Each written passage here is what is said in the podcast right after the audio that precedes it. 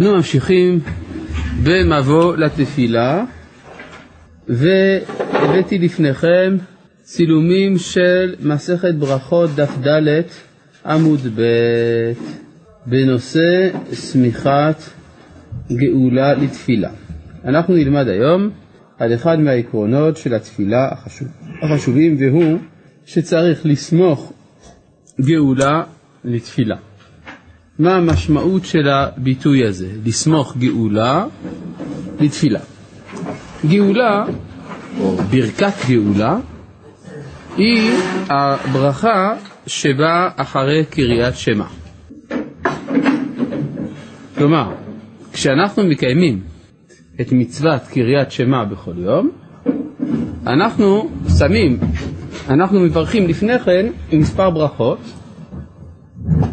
שתיים לפני הקריאה, ועוד אחת או שתיים אחרי הקריאה. לפני הקריאה בבוקר זה יוצר המאורות והבוחר בעמו ישראל באהבה או אהבת עולם, ואחרי קריאת שמע אנחנו אומרים אמת ויציב שמסתיימת במילים ברוך אתה השם גאל ישראל, לכן הברכה הזאת נקראת ברכת גאולה. בערב אחרי גאל ישראל אנחנו מוסיפים גם השכיבנו. עד כאן ברור. כל זה המסגרת של מצוות קריאת שמע, זה מסגרת אחת. יש לנו מלבד זאת מצווה אחרת, שלכאורה אין לה קשר עם המצווה הראשונה, והיא המצווה של תפילה. אותה אנחנו מקיימים בעמידה, תפילת שמונה עשרה. עכשיו, אין שום הכרח להדביק את זה עם זה לכאורה. אמרו רבותינו, צריך לסמוך גאולה, כלומר את ברכת ברוך אתה השם גאל ישראל, לסמוך אותה לתפילה. כלומר צריך להגיד אותה מיד לפני תפילת העמידה. למרות שבזמן המשנה לא, לא היה ולא נברא דבר כזה. מה אומרת המשנה? היה עומד בראש האילן או בראש הנדבך. והגיע זמן המקרא, קורא. כלומר, אדם עובד, שורק לו להנאתו, על גבי נדבכי האבנים ובונה חומה. או הוא עובד בעצים, בקיבוץ. הוא מוריד את התפוזים מן העץ. מבסוט לו מהחיים. באיזה שעה הוא עושה את זה? בלילה. למה בלילה? כי חם ביום, בלילה נעים, אז הוא עובד בלילה. פתאום הוא מסתכל, פיפס, הגיע זמן המקרא. מה זה זמן המקרא? מה זה זמן המקרא? מהו הזמן שצריך לקרוא את שמע? עמוד השחר. פתאום הוא רואה, מסתכל, וואו, רואה איזה קרן אור קטנה מתוך החשיכה. שמתם לב, כל מי ששמר בשעה הזאת, יודע שזה הזמן הקר, נכון? פתאום יש איזה קור כזה לאיזה רבע שעה, עשר דקות. פתאום נהיה ממש קפוא, אחר כך זה שוב מתחבא, נכון? אז גם מי שמסתכל ברקיע רואה שמתחיל איזושהי אצבע קטנה של אור קטן, זה הזמן שצריך לקרוא את שמה. אז הוא, תוך כדי עבודה, פתאום הגיע זמן המקרא, אומרת המשנה, קורא, ממשיך לעבוד, הגיע זמן התפילה, יורד מן העץ, או יורד מן הנדבך, ומתפלל. מה הסיבה להבדל הזה? שצריך יותר כוונה בתפילה מאשר בקריאת שמע, לכן לקריאת שמע התירו לו להישאר על העץ, אבל לתפילה אמרו לו לרדת. מה ההפרש של הזמן, מתי זה זמן התפילה? בהנץ החמה, נכון? בהנץ, לא בנץ, אין לזה שום קשר לעוף הטורף הזה, שנקרא נץ, אלא בהנץ, או הנץ או הנץ, אבל צריך להגיד בהנץ, קמץ, כן? ההי היא חלק מן הפועל. בהנץ החמה, אז הוא יורד וקורא, ויורד והוא מתפלל. מה הפרש הזמנים בין זמן המקרא לבין זמן התפילה? יכול להיות שעה וחצי, יכול להיות 45 דקות, תלוי לפי העונה. לפעמים עמוד השחר הוא מוקדם מאוד, לפעמים הוא מאוחר. אבל זה ברור שיש הרבה זמן שהוא עדיין יכול להמשיך לעבוד בין זמן המקרא לזמן התפילה. נכון? מכאן שבזמן המשנה בכלל לא ידעו שיש דבר כזה לסמוך גאולה לתפילה. בכלל לא היה מקובל לסמוך גאולה לתפילה, מה פתאום? כן? משום מה, בזמן האמוראים השתנה המצב. בדיוק כמו שבשיעור שעבר למדנו שבזמן האמוראים הוסיפו פסוק לעמידה, אדוני שפתי תפתח ופי יגיד תהילתך, גם הוסיפו עוד דין חדש, שצריך לסמוך גאולה לתפילה. בסדר? וזה מה שהייתי רוצה היום להגיד. רבי נחמן ברסלב היה אומר, מה זה לסמוך גאולה לתפילה? שצריך לגאול את התפילה. כן, התפילה היא בגלות, אז צריך לסמוך גאולה לתפילה, לגאול את התפילה. כן. העניין של בכלל, בצורה עקרונית, אה? בצורה עקרונית, תגיד אלינו, לסמיכות גאולה לתפילה. זה דבר שקיבלנו במסורת אבותינו, לא? זה קיבלנו במסורת אבותינו, לא כתוב במשנה. זה לא כתוב, במשנה כתוב הפוך, זה מה שאני מסביר לך. אם לא היה כתוב במשנה, מילא. אבל במשנה כתוב הפוך, שאם הגיע, היה בראש האילן והגיע זמן למקרא קורא, ואחר כך כשמגיע זמן התפילה יורד ומתפלל, כשיש שעה ביניהם. איך אפשר לסמוך גאולה לתפילה כשיש שעה ביניהם? הוא ממשיך לעבוד שם עם הטיח. אז אתה רואה שהמשנה אומרת הפוך ממסורת אבותינו, זה לא שלא כתוב במשנה, כתוב הפוך במשנה. עד כאן ברור לך? טוב, כן. אז הוא עובד, נו אז מה? למה שלא יסמוך גאולה לתפילה? אם הוא עובד, יכול להגיד קריאת שמע סמוך לנצח חמה. למה מיד בעלות השחר? היום כל המתפללים כוותיקין, למרות שהם קמו עוד בחצות לילה כדי להגיד תיקון חצות ולמדו קבלה במשך כמה שעות, לא אומרים קריאת שמע עם, הנצח, עם uh, עמוד השחר, אלא סמוך לנצח חמה. לא כמו שהיה בזמן המשנה. אז למה שלא יעשה ככה אותו, אותו עובד? כן? שאלה אם מותר לו לעבוד בכלל. מותר לו? לעבוד? לפני התפילה. איך הוא יתפרנס, תגיד? יש לנו כלל, אלא תגיד שהשתנה מזמן המשנה. יש לנו הלכה, אדם לא יעשו שום צרכים שלו לפני ה... לא, אבל אמרנו שהוא נכנס לבוקר כבר. לא יעשה שום דבר לפני התפילה. נכון, כלומר, אתה צודק שאדם לפני התפילה לא יעשה שום דבר. ולכן, באמת, כשמגיע זמן התפילה, יורד ומתפלל. השאלה מה זה איתך התפילה? זה הנצח חמה. הנצח חמה, זה התפילה. הרי מה זה תפילה? אבל איפה הוא לא מסדר את כל הברכות לפני כן? זה עוד קושייה על המשנה, מה עם כל הברכות לפני כן? לא, אבל יש לי תשובה, לא, לא, לא, סליחה אדוני היקר, יש לי תשובה לשאלה שלך. מה הוא היה עושה עם כל הברכות לפני כן? פשוט, היה שומע את התרנגול, מברך הנותן לסרבי. בסדר? היה נועל נעליים, היה אומר, שעשה לי כל צורכי. בסדר. זה בשלבי הקימה, אני יודע, כל פעם, בכל שלב ושלב, היה מברך את הברכה שלו. זה לא היה מסודר כמו היום, ככה שבבת אחת אומרים כל הברכות. בסדר? אבל היום להלכה, אדם לא יעשה כלום עד שלא יעשה... אתה שואל מה יהיה היום? כן. אני יודע מה, אני אספר לך סיפור. היה פעם במכון מאיר למד יהודי חשוב, שהיה חלוץ, בן חלוץ, בן בנו של חלוץ, מאצבע הגליל. ויהודי ככה, חלוציות נוטפת. הגיע למכון מאיר, חזר בתשובה, זה למד תורה. הוא אמר, יום אחד הוא אמר לי, תשמע, כשסבא שלי הגיע לארץ, אם הוא, הרי הזמן היחיד שבו היה אפשר לעבוד כמו בן אדם בשדה, זה בדיוק הזמן של תפילת ותיקין.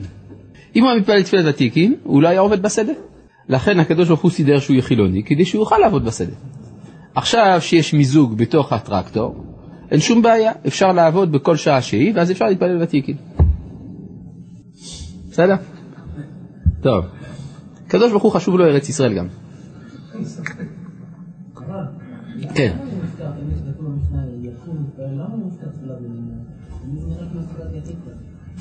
למה לא מוזכרת שמה תפילה במניין? כי מדובר באדם שלא נמצא בבית הכנסת.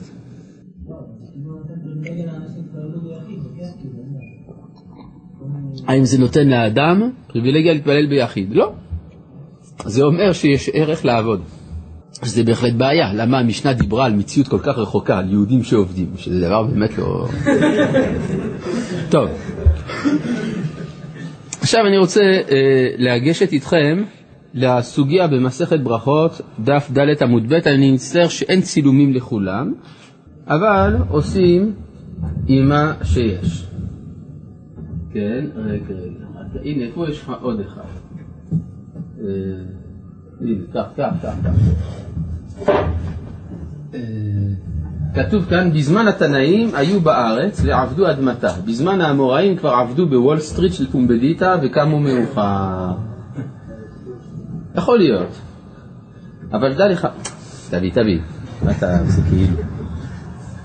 דע לך שבדורות הראשונים של האמוראים הם לא היו בפומבדיטה הם היו בנהר דעה וסורה. רק אחר כך הם עברו לפומבדיטה.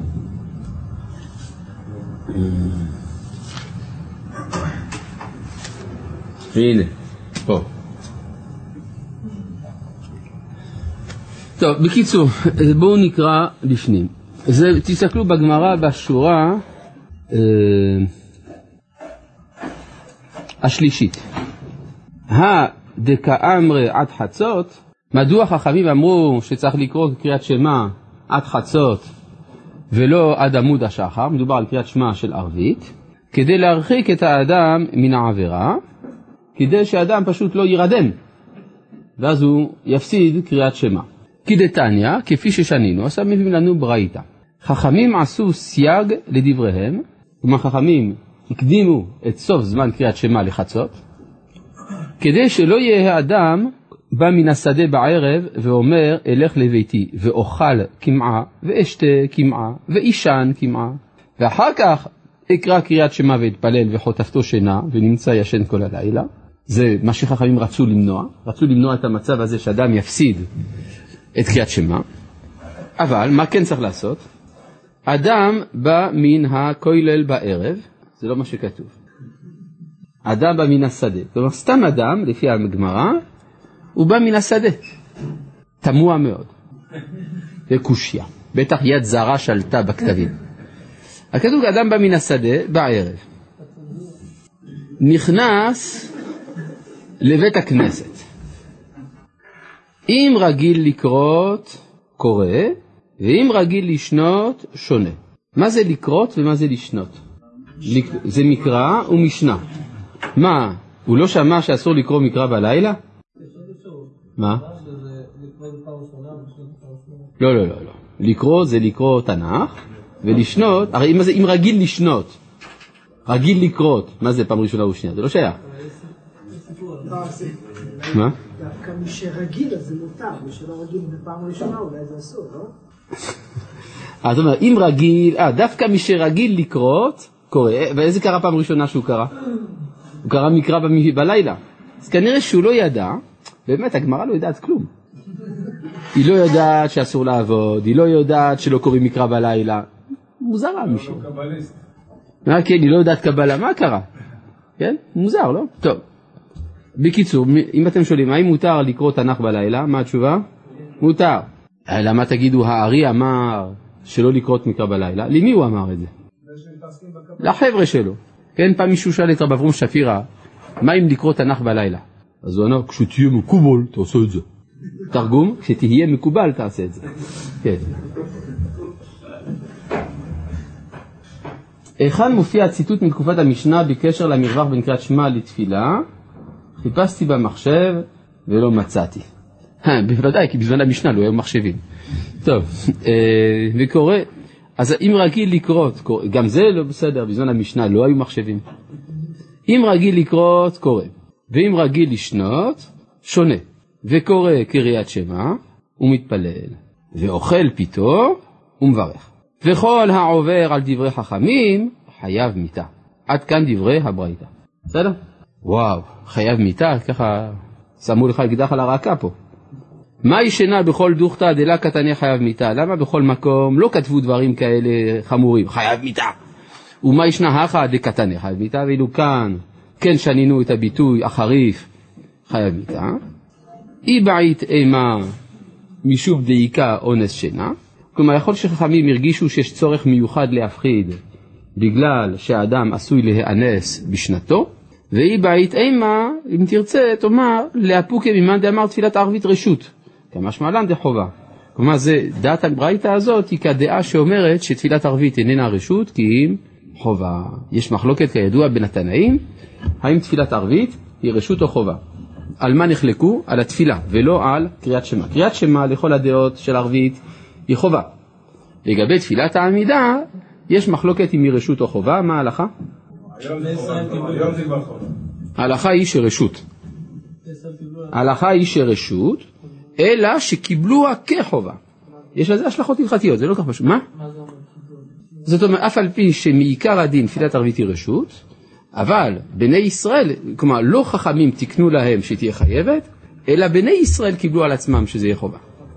במהלך הדורות. במהלך הדורות קיבלוה כחובה. מה? בכל התפוצות, חוץ מאשר בתפוצה החילונית, שמעולם לא קיבלוה כחובה. גם לא כרשות. טוב, עד כאן דברי הברייתא. עכשיו, הגמרא מדייקת מדברי הברייתא מספר דברים. אמר מור, זאת אומרת, כשמצטטים מחדש את מה שקראנו עד עכשיו. אגב, צריך להגיד אמר מר או אמר מור. אחינו הספרדים אומרים מור, אחינו האשכנזים אומרים מר. מי צודק? יש פה שתי דעות. יש דעה שאומרת שניהם, יש דעה שאומרת הספרדים. אשכנזים. שלוש דעות. נעשה הצבעה? אני אגיד לכם את האמת, שניהם צודקים. למה? בירושלמי מור כתוב מ"ו ר, נכון? אבל מה נעשה שבתשובות הגאונים מופיע מר מ"א ר? אז כנראה שהיו שתי, אה, שני סוגי מבטא. היה בבבל היו אומרים כנראה מר, ובארץ ישראל היו אומרים מור, וזה הגיע לספרדים, זה הגיע לאשכנזים, זה הכל. אז לא לעשות מזה עניין. גם זה טוב וגם זה טוב. אמר מור, קורא קריאת שמע ומתפלל, כן ככה קראנו בברייתא. אדם בא מן השדה בערב, נכנס לבית הכנסת, אם רגיל לקרוא את קורא ואם רגיל לשנות שונה, וקורא קריאת שמע, ומתפלל. אז אם קודם כל הוא קורא את קריאת שמע ורק אחרי זה עושה את העמידה, מסייע ל לרבי יוחנן. זה מסייע, הברייתא הזאת היא מקור לדברי רבי יוחנן. שמה אמר רבי יוחנן? ואמר רבי יוחנן, איזה הוא בן העולם הבא? זה הסומך גאולה לתפילה של ערבית. רבי יהושע בן לוי אומר, תפילות באמצע תקנו. זה לא סותר את רבי יוחנן, זה מתאים לרבי יוחנן. מסייע ל. כן, כתוב. מסייע לו לרבי יוחנן. זה סותר את רבי יהושע בן לוי. אבל נבין על מה מדובר. יש מחלוקת לגבי סמיכת גאולה לתפילה. כולם מסכימים שבבוקר צריך לסמוך גאולה לתפילה. איך אפשר לסמוך גאולה לתפילה? האדם קורא קריאת שמע, אחרי קריאת שמע אומר אמת ויציב ונכון וקיים וכולי, מגיע לברוך אתה השם גל ישראל, זה גאולה, ומיד אומר השם שפתי תפתח, אם כן הוא שמח גאולה לתפילה בשחרית, אין בעיה. אז מה הוא עשה? בואו נראה את הסדר. אגב, יש ניסים שעדיין חתיכות גיר יש, אבל בעזרת השם אנחנו עוד נדאג לזה. הנה, יש פה המון גירים.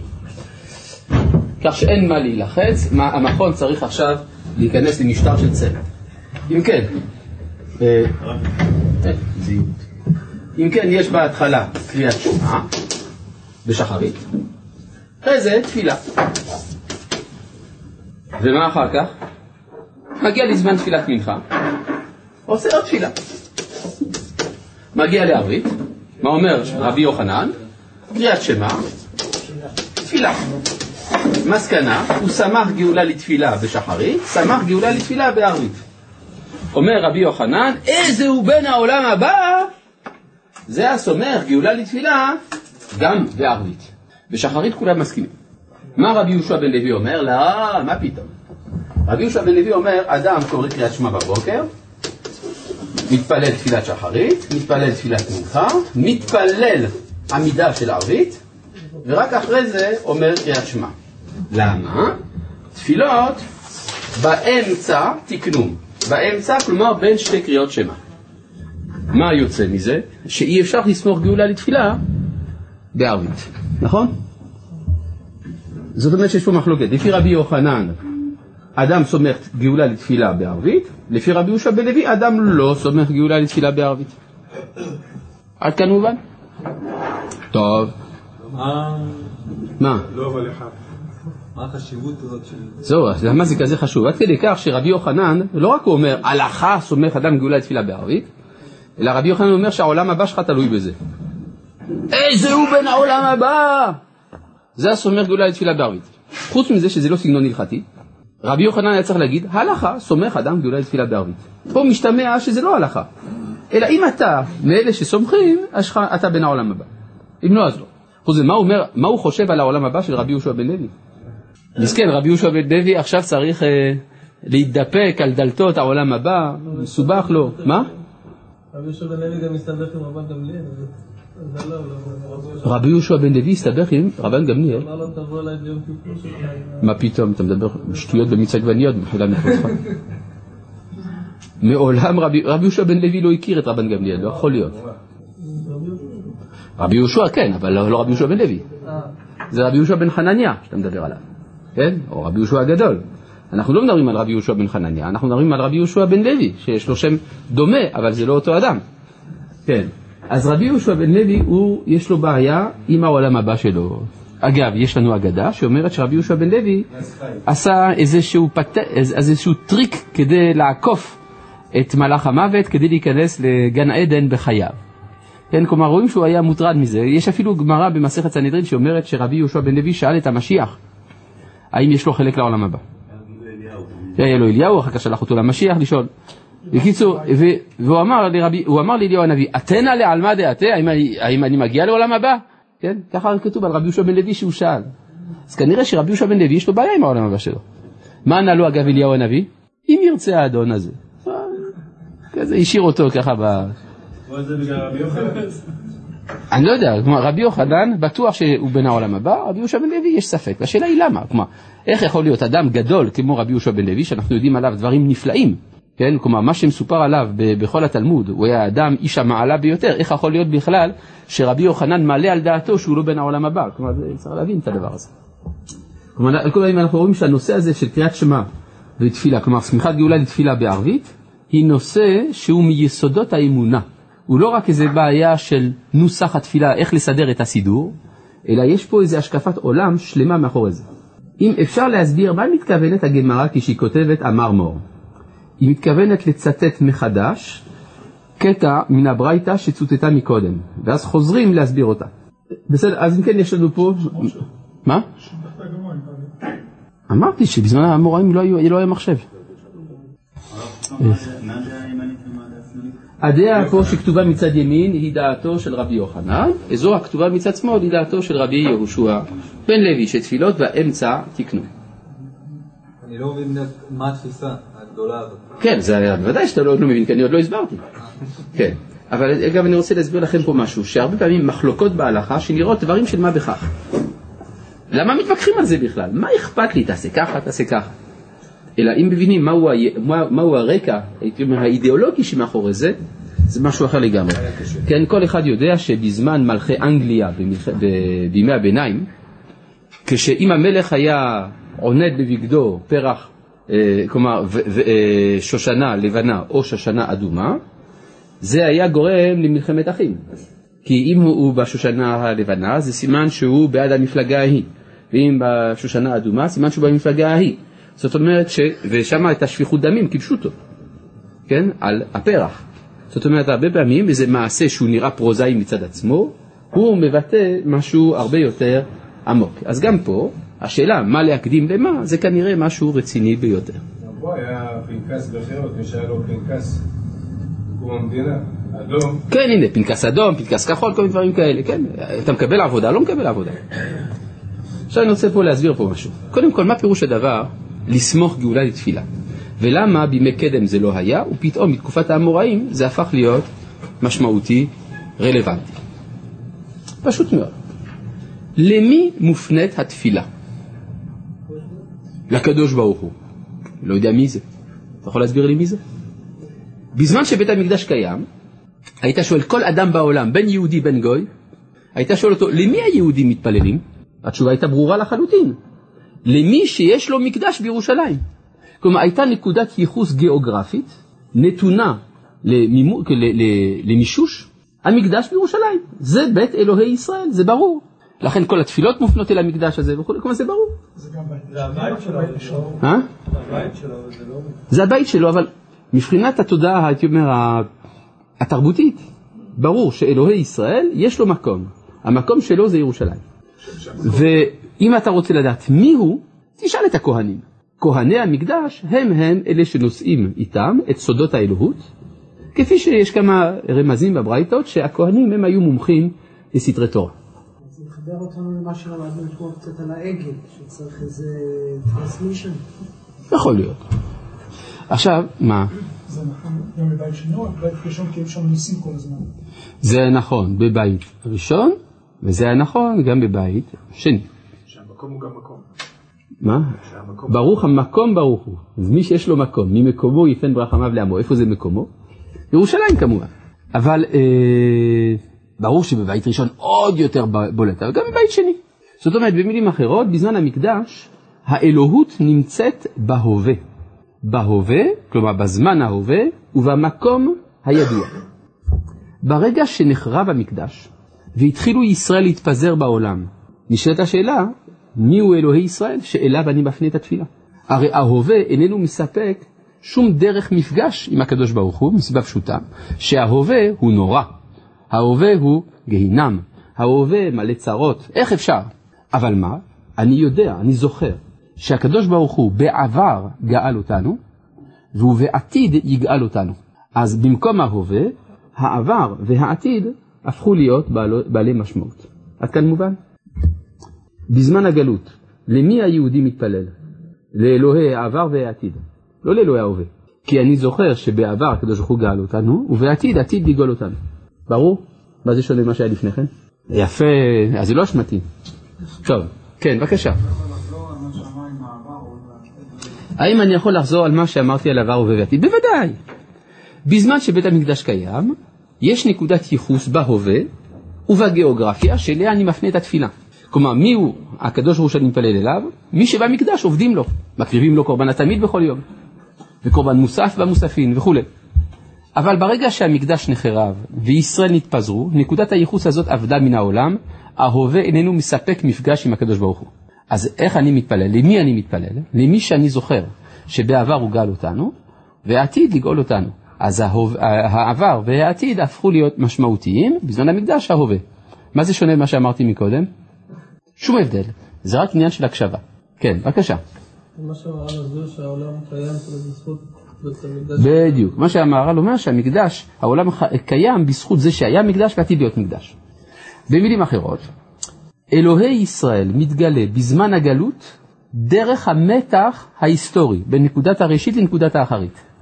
בזמן שבית המקדש קיים, הממד ההיסטורי של הגילוי האלוהי פחות חשוב. אמת או לא? אם תשימו לב, אצל רבי יהודה הלוי, בספר הכוזרי, יש הדגשה גדולה מאוד של הממד ההיסטורי של גילוי האלוהות. ברמב"ם אין הדגשה כזאת. אז מה אומרים הריקים באקדמיה? הם אומרים שהרמב"ם היה פילוסוף, ולכן הממד ההיסטורי של גילוי האלוהות לא חשוב לו. מה שאין כן רבי יהודה הלוי שהיה דוס, ולכן זה היה חשוב לו. אבל לא ידעו ולא הבינו, בחשיכה התהלכו. פשוט מאוד, הרמב"ם מדבר בזמן שבית המקדש קיים, ורבי יהודה הלוי מדבר בזמן הגלות. נכון. אז כיום, מבחינת התודעה התרבותית, יוצא שכשמפנים את התפילה לכיוון הר הבית מכל מקום בעולם, נוטים לשכוח או להמעיט בעובדה שאלוהי ישראל שאמור לשכון במקדש, שוכן בחורבה. בסדר. הלאה. אה, אם כך, מתחיל להיות מובן מה פירוש הביטוי לסמוך גאולה לתפילה. כדי לדעת למי אני מתפלל, אני מתפלל לגאל ישראל. וזה היה בזמן, האמוראים מאוד חשוב לזכור את זה. בזמן המשנה עוד היו קרובים לבית המקדש. אז זכרו, כן, אני מתפלל לאלוהי המקדש. אבל המקדש חרב עכשיו, אין יותר מקדש. למי אתה מתפלל? לגאל ישראל. מה פירוש גאל ישראל? תגיד גואל. לא, שהעניין של ההווה לא ברור, אז אז קשה להגיד. לא, אבל מה זה גאל? היית צריך להגיד ברוך אתה השם אשר גאל ישראל, או שגאל ישראל. אלא מה, זה, זה חידוש של אה, נחמה ליבוביץ', עליה השלום, שהסבירה מה זה גאל מלשון אומנות, כמו נפח, נגר, סבל. מי שאומנותו לגאול נקרא גאל. מי שאומנותו לגאול את ישראל. אליו מופנית התפילה. לכן ברוך אתה השם גאל ישראל, ומיד למי שאני מזכיר, זוכר אותו בתור הגאל, אני מפנה את התפילה. לכן סומכים גאולה לתפילה בימינו. גאל ישראל, אה, ג' עם דגש חזק, כי זה, לא סליחה, דגש קל, אה, דגש קל, ברד כפת בראש מילה, ומתחת לג' קמץ, נכון? כי זה הבהרה פתוחה בלתי מותאמת, אז זה קמץ, ופתח מתחת לאלף. למה? הרי... לא, אם זה מקצוע דווקא היה צריך להיות עם קמץ, היה צריך להיות שני קמצים, נכון? ספר, איך אתה כותב ספר? פתח, ולא, ספר אתה כותב פתח, קמץ בפה, זה אה, דגש בפה, וקמץ מתחת לפה, נכון? אתה כותב ספר, נכון? ואילו גאל, אז היה צריך להיות כזה דבר, נכון? אבל זה בלתי אפשרי. קודם כל צריך לשים פה דגש קל כי זה בגט כפת. אבל מאחר ואי אפשר לשים דגש באלף, כי באלף לא שמים דגש, אז זה הופך את הפתח לקמץ, נכון? אבל כיוון שזה בסמיכות, הגאל של ישראל, גאל ישראל, אז ההתאמה עוברת למילה ישראל, ואז הקמץ הופך לפתח. ולכן באופן, הייתי אומר, אה, פלאי, המילה גאל שעניינה בעל אומנות, מנוקדת כמו הפועל לגאול. בסדר? אוקיי? מכאן שחשוב ללמוד דקדוק. גם דקדוק. בכלל, הדקדוק היה אצלנו, אצל, אצל בעם ישראל, נחלתם של גדולי האומה. כן, לא סתם איזה מורה לדקדוק אה, שבקושי יש לו תואר ראשון בחינוך, אלא מדובר היה בגדולי האומה ממש. רבנו סעדיה גאון, רבנו תם, רבי מנחם אבן צרוק, רבי יהודה חיוג', הם אלה שכתבו, רבנו דוד קמחי, רבי יונאי בן ג'נח, הם אלה שכתבו ספרי דקדוק, לא סתם איזה... אבל היום זה אותו דקדוק? זה אותה עברית, לא? לא יודע. לא יודע מה זה. רבי יהודה, חיוג', מה? מה הבעיה? אליעזר בן יהודה. אליעזר בן יהודה, נו, מאיפה הוא ידע דקדוק? הוא למד כל הספרים האלה. אבל כאילו, אה, עד כמה הוא... כאילו, לא, לא, יש קצת שינויים פה ושם, אבל לא שינויים עקרוניים. כן. אז אה, כן. הושיעו הושיעו. כן. אה, אז איפה היינו? אז זהו, עכשיו מה, מה המחלוקת כן בין רבי יוחנן לרבי יהושע בן לוי? אה, שלום כבוד הרב, אם יח, יחסו של הרמב"ם לאלוהות הוא יחס מקדשי, מדוע כל תיאוריו הם פילוסופיים ולא חווייתיים מפגשיים? אני לא יודע אם זה תמיד ככה ברמב"ם. יעיין נא כבודו בהלכות חמץ ומצה, ברמב"ם. ששם הרמב"ם כותב את הסדר של ליל הסדר. אומר, אדם נוטל ידיים, מברך על נטילת ידיים, לוקח שתי מצות ומברך, אשר קידש, אה, המוציא לחם מן הארץ ועל אכילת מצה ואוכל כזית. אחר כך מביאים לפניו את הקורבן, והוא לוקח כזית ומברך, אשר קידשנו מצוותיו וציוונו על אכילת הזבח. ואם בית המקדש אינו קיים, עובר מיד למרור. כן? זה לא ככה כותבים באגדות של פסח של המועצה הדתית, נכון? אלא מה הרמב"ם כותב? קודם כל הוא מניח שאתה חי בזמן שבית המקדש קיים. יש מקרים מצערים שלפעמים שבית המקדש לא קיים, אז יש הלכות מיוחדות למצבים האלה. אם כן, הוא בוודאי מדבר גם על תיאורים מקדשיים. אה, אבל בכל זאת, אני קצת אה, מרחתי אותך, השאלה באמת היא שאלה טובה, יש לך עכשיו שיעורי בית בנושא. כן. מעריב אם אדם מתפלל עם הציבור תפילה ואחר כך קריאת שמע, זה מסתמך על הגעה הזו של רבי יהושע בן לוי? כן. כן. עכשיו אני רוצה פה להבין קצת מה שקורה. אז מה זה המחלוקת בין רבי יהושע בן לוי לרבי יוחנן לגבי קריאת שמע של ערבית? כן? זה מתחיל להיות מובן מאוד.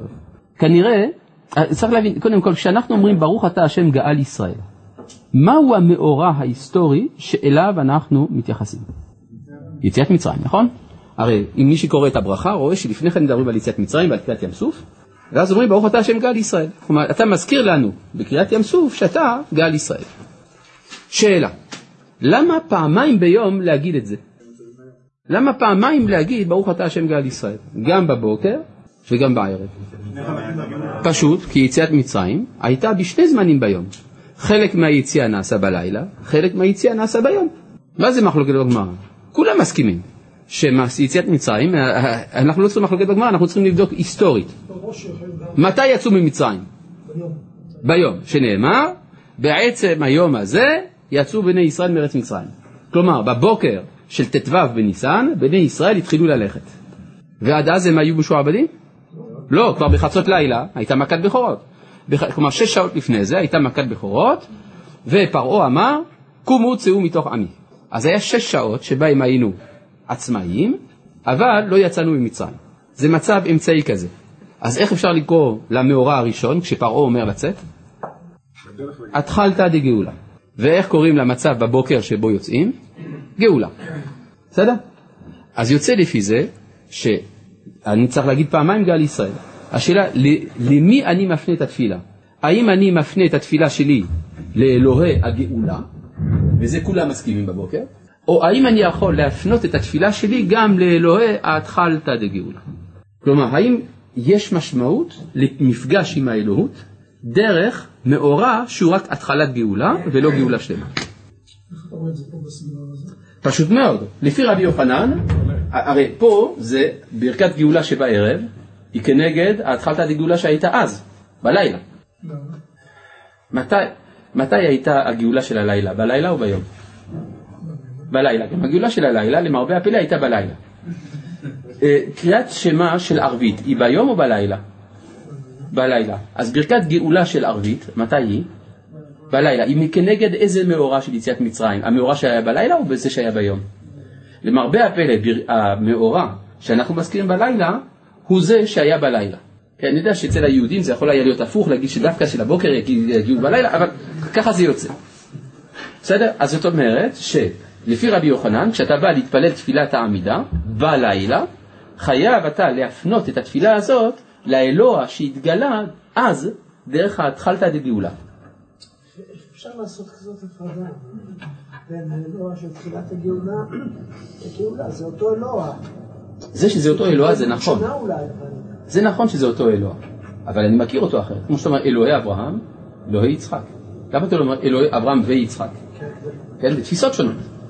עכשיו, רבי יהושע בן לוי הוא לא מעוניין בגאולה של הלילה. כלומר, הוא אומר, תשמע, זה נכון, הייתה אז התחלתא דגאולה, אבל אתה לא יכול לפגוש את הקדוש ברוך הוא דרך התחלתא. מה היסוד מאחורי הדברים האלה? למה אי אפשר לפגוש את הקדוש ברוך הוא דרך התחלתא? כי אולי זה לא ייגמר, זה רק התחיל, יש ספק. זה התחלתא, בסדר, התחלתא זה רק התחלתא, נראה, אולי זה יתמוטט בסוף. כן, זה כמו שיש כאלה שאומרים, איך אתם כל כך בטוחים? כן, זאת אומרת, זה... זאת אומרת, זה התחיל, בסדר, יש משהו, יש, אה, אבל המשיח הגיע. אז אתה לא יכול, דרך דבר שהוא רק התחלת, להגיד, אני פוגש את ריבונו של עולם. יש לי ספק. עכשיו אני מתחיל להבין את רבי יהושע, את רבי יוחנן. מה אומר רבי יוחנן? איזה הוא בין העולם הבא? זה הסומך גאולה לתפילה של ערבית. מה זה בין העולם הבא? וכי רבי יהושע בן לוי הוא לא בין העולם הבא? רבי יהושע בן לוי יש לו חלק לעולם הבא, ורבי יוחנן הוא בין העולם הבא. מה ההבדל? הנה, השאלה מתבקשת. מה ההבדל בין בין העולם הבא לבין מי שיש לו חלק לעולם הבא? מי שיש לו חלק לעולם הבא, סימן שהוא בין העולם הזה. כלומר, אני תושב העולם הזה, אני בין העולם הזה, מרגיש טוב בעולם הזה. מה יקרה אחר כך? אל תדאג, סידרו לך חלק. יש לך תוכנית חיסכון, וזה, יש אגרות חוב, לא יודע, אה, בורסה, לא יודע, משהו, סידרו לך משהו שם. אבל אתה בין העולם הזה, מה שאין כן, יש, ולכן כשאתה רואה דברים ששייכים לעתיד, אתה לא יודע איך לדיאגנז אותם. זה אמיתי, זה לא אמיתי, אתה לא יודע. מה שאין כן, מי שהוא בין העולם הבא, הכוונה שהוא, יש לו חלק לעולם הזה. הוא שייך באופן טבעי לעולם הבא. מה הוא עושה בעולם הזה? הוא בביקור. לכן ברגע שמאורעות של העתיד מתחילים להתגשם, הוא מריח, או, זה זה. זה כמו שכשהייתה הצהרת בלפור, אז אה, זה הגיע לחפץ חיים. הייתה, אמרו לחפץ חיים הייתה הצהרת בלפור. אז הוא אמר, דוס איז דוס, זהו זה. הוא הבחין, הוא אמר, זהו זה, זה הגיע. זאת אומרת, מי שבין העולם הבא, הוא יודע להבחין אם ההתחלתא הזאת זה, זה ניסיון כושל, או שזה באמת זה. לכן אי אפשר גם לכתוב את זה כהלכה, אלא זה עניין של חוש רוחני. או נגיד את זה אחרת, האם אני מתלהב או לא מתלהב מהתחלתא דגאולה, זה פונקציה של שורש הנשמה שלי. זה לא פונקציה של ההוכחות, הבאת טקסט כזה או הבאת טקסט כזה, אלא זה פונקציה של שורש הנשמה. אם אתה בין העולם הבא, אתה שייך לזה. אתה לא בין העולם הבא, לא שייך לזה. לכן כל הוויכוחים הם ויכוחי סרק. אומר הבן איש חי, בפירושו לסוגיה הזאת, שהמחלוקת בין רבי יהושע בן לוי לרבי יוחנן היא מחלוקת אם כשמתרחש נס, אבל אני יודע שיהיה נס עוד יותר גדול אחריו, האם כבר לקבוע יום טוב על הנס הראשון או לא. ככה אומר הבן איש חי. לא, לא, לא, הוא מסביר שזה המחלוקת. כך אומר הבן איש חי, בפירושו בן יהוידע. מה? כן, יש גם מחלוקת פה לשבור את הכוס, אבל גם מחלוקת מתי לומר את ההלל, כן? אז רבי יוחנן, הוא אומר, תשמע, אני התחלת זה כבר מספיק לי. כן? כלומר, ברגע שהייתה הצהרת בלפור, אני כבר אומר הלל. רבי יהושע בן לוי אומר, תחכי עד הקמת המדינה. בסדר? מה, בבקשה. יש כאן משהו עקרוני, בעצם רבי יוחנן חי את ההווה. רבי יוחנן חי את העתיד. רבי יוחנן חי את העתיד. אגב, איך יודעים שמישהו בן העולם הבא? מה? הוא רואה כבר בהתחלת את העתיד. נאמר ככה, איך אני יודע שאדם הוא בן העולם הבא? אז יש כמה אופנים עכשיו. יש לנו, אם הוא סומך גאולה לתפילה בערבית, יש עוד אפשרות השני, אחרת, אם יש לו חוש הומור.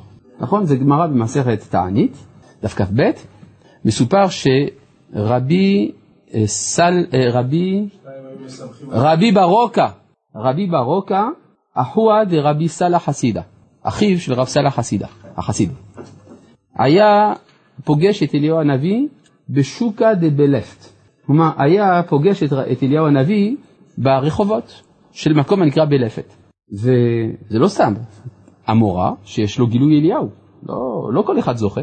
והוא פוגש את אליהו ברחוב, אומר לו, תגיד, אליהו, איכא בהאי שוקה בר עלמא דעתה?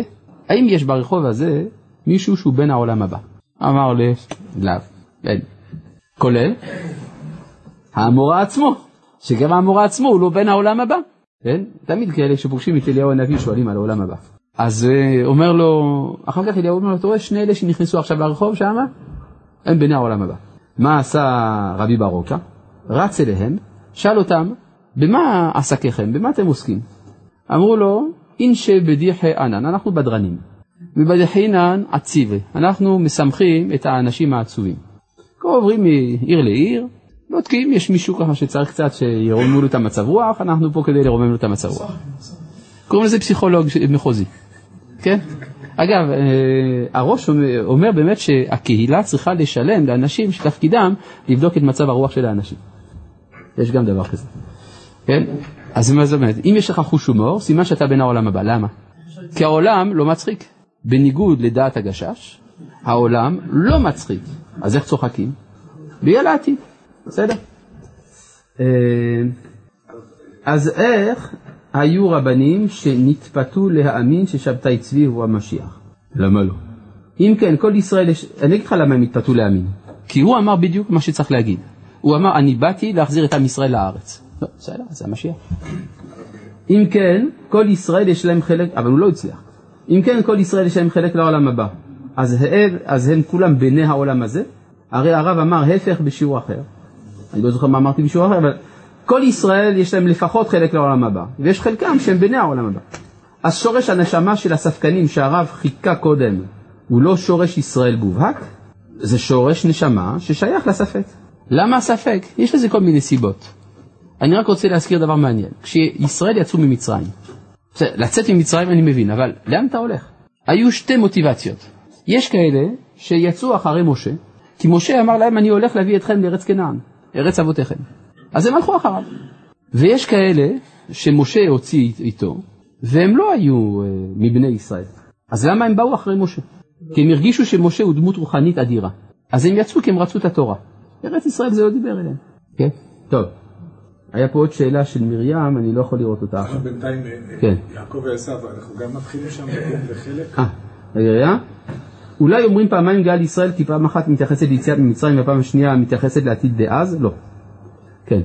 מה אתה אומר? בנטיות של יעקב ועשו, שכל אחד מהם רוצה שתי העולמות, אז אנחנו גם מתחילים בבן וחלק? כנראה. טוב, אתה שואל הרבה שאלות אה, היקפיות, קשה לי להתייחס. כן.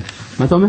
לא הבנתי למה אה, רבי יהודה בן לוי הוא רבי יהושע בן לוי. הוא לא, הוא מה, הבנתי מה החילוק בעצם. רבי יהושע בן לוי, כשהוא רואה התחלת דגאולה, הוא אומר, תראו חבר'ה, אני לא בטוח. הוא גם אומר קריאת שמע בערב. קריאת שמע הוא אומר, ודאי. לא. אבל הוא לא, הוא לא מתפלל לאלוהי ההתחלתא. כלומר, הוא אומר, הרי להתפלל לאלוהי ההתחלתא, הכוונה שזה שימושי.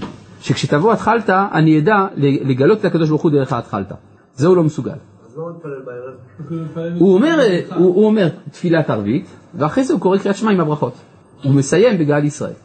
מובן? רגע, תנו לי להמשיך, אני לא יכול ככה. טוב, אה, הגמרא שואלת, במאי קמי פלגה? כלומר, במה הם נחלקים? כלומר, מה השורש של מחלוקתם? אי באיתמה קרא ואי באיתמה סברה. אם אתה רוצה, יש מקורות, פסוק. ואם תרצה, יש סברות. אהה, מעניין, כל הוויכוחים על התחלתא דגאולה הם אה, בנויים על, אה, או על מקורות או על סברות. בואו נראה. אי בהיתמה אה, סברה, דרבי יוחנן סבר גאולה מאורתנא מהווה, אלא גאולה מעלייתא לא אביה אלא הצפה. כלומר רבי יוחנן אומר, תשמע, גאולה זה כבר מהערב, למרות שגאולה שלמה אינה אלא בבוקר. ורבי יהושע בן לוי סבר, כיוון דלהביה אלא מצפרא, להביה גאולה מעלייתא. כיוון שאין גאולה שלמה אלא בבוקר, זו של הערב איננה שלמה. לא הבנתי כלום. וזה בדיוק אותו דבר. מה, מה אומר רבי יוחנן? אומר לו, תשמע, בערבית זה לפחות התחלת. מה אומר לו רבי יהושע בן לוי? "אה, זה רק התחלת. בעצם הם אומרים אותו הדבר. אלא שאצל רבי יהושע בן לוי המושג של התחלת לא מלהיב אותו, כי הוא לא יודע, יש פה ספק אם זה ימשיך. ואילו לפי רבי יוחנן, ברור שזה זה. יוצא לפי זה שהסברה היא אותה סברה לשני הכיוונים. רק הניגון שונה. אז מה? לא רק באמת היה גאולה בבוקר. כן, במצרים זה היה ככה, אבל זה עכשיו אנחנו אומרים. נכון, אבל לך תדע, כשזה יתחיל, מדינת ישראל, האם זה זה. ורבי יהושע, עכשיו, אי באי תימה, קרא. ושני מקרא אחד דרשו, יש להם אותו פסוק. דכתיב, בשוכבך ובקומך. רבי יוחנן סבר, מקיש שכיבה לקימה. מה קימה קריאת שמע ואחר כך תפילה, אף שכיבה נמה קריאת שמע ואחר כך תפילה. כמו, כמו שבבוקר, אני אה, קמתי, כן? בקימה, בשוכבך ובקומך. אז בקימה, קריאת שמע ואחר כך תפילה. גם בשכיבה צריך קריאת שמע ואחר כך תפילה, כי הרי נאמר בשוכבך ובקומך, אז זה להיות דומה. קריאת שמע נוגעת במיטה. ורבי יהושע בן לוי סבר, מקיש שכיבה לקימה. מה קימה קריאת שמע סמוך למיטתו, אף שכיבה נמי קריאת שמע סמוך למיטתו. כלומר, רבי יהושע בן לוי אומר, לא, ההפך. קריאת שמע פה, פה היית במיטה, ופה אתה גם כן במיטה. אז צריך שקריאת שמע תהיה סמוכה למיטה, גם בבוקר וגם בערב, ולכן אותו פסוק משמש לשתי סברות. לכן, גם מביאים את אותם מקורות, מביאים את אותן סברות, וכל אחד מסיק הפוך. איך זה יכול להיות? סימן שזה תלוי לא בשכל, אלא בגישה. מאיפה נובעת הגישה? הגישה נובעת משורש הנשמה, זה בדיוק מה שזה אומר. לכן רבי יוחנן אומר, הוא לא יכול לפסוק לך הלכה, תסמוך גדולה לתפילה, אלא תלוי אם יש לך שורש נשמה מתאים. מטיב מר ברי דרבינה, יש פה קושייה על זה. בערב מברך שתיים לפניה ושתיים לאחריה. הרי יש בערב, לא רק גל ישראל, יש גם משכיבנו. והיא אמרת, באי לסמוך, הלא כסמך גאולה לתפילה, הרי הוא לא סומך גאולה לתפילה, דהא באי לממר אשכיבנו, צריך להגיד, גם אשכיבנו אחר גל ישראל, אז בכל מקרה אפשר לסמוך גאולה לתפילה בערבית. אמרי, כיוון, אז ענו, כיוון דתקינו רבנן, כיוון שתיקנו חכמים, השכיבנו, כגאולה אריכתא דמיא, זה כמו גאולה ארוכה. תימא אחי, אם לא תאמר כן, שחרית נמה, איך מציב, בסדר, הרי גם בשחרית אפשר לסמוך לפי זה. ואמר רבי יוחנן, בתחילה אומר, אדוני שפתי תפתח, ובסוף הוא אומר, יהיו לרצונים רפי, אלא התם, כיוון תקנו רבנן למאמר השם שפתי תפתח, כיוון שחייבים תקנו לומר השם שפתי תפתח, כי תפילה אריכתא דמיא, זה כמו תפילה ארוכה. אך הנמי, כיוון תקנו רבנן למאמר אשכיבנו, כי גאולה אריכתא דמיא, אז גם אשכיבנו זה כמו תפילה, כמו גאולה ארוכה. מה פירוש גאולה ארוכה? כאילו ברכת גאולה מתארכת. ומכאן למחלוקת אם צריך לענות אמן אחרי גל ישראל או לא. כן? יש מחלוקת אם עונים אמן אחרי גל ישראל של החזן או לא. כי זה גאולה אריכתא, זה כאילו אותה ברכה. זאת אומרת שהגאולה של ערבית אומנם היא גאולה, אבל יש גם צרות. הרי למה אומרים משכיבנו? מפני המזיקים, נכון? כלומר, יש גאולה עם מזיקים, יש גם דבר כזה. יש מזיקים, לא? ראינו אתמול בהודו, נכון? יש מזיקים במהלך הגאולה, השכיבנו, כן? וזה אגב מספק את הצורך של מישהו ששלח לי מייל שלם שאומר למה לא אה, התייחסת למאורעות בהודו, הרבנים צריכים להתייחס למאורעות, אז אני מתייחס. טוב, אז אה, מה? לא יודע אם זה מספיק, אבל זה, זה התייחסות. צריך לעשות משהו בכל זאת. אה, זה מאורע מצער מאוד. אז אם כך, יש לנו פה הבנה של ההלכה של שמיכת גאולה לתפילה עם ההשלכות האידיאולוגיות, הייתי אומר, הרוחניות, שקשורות לעניין הזה. שלום.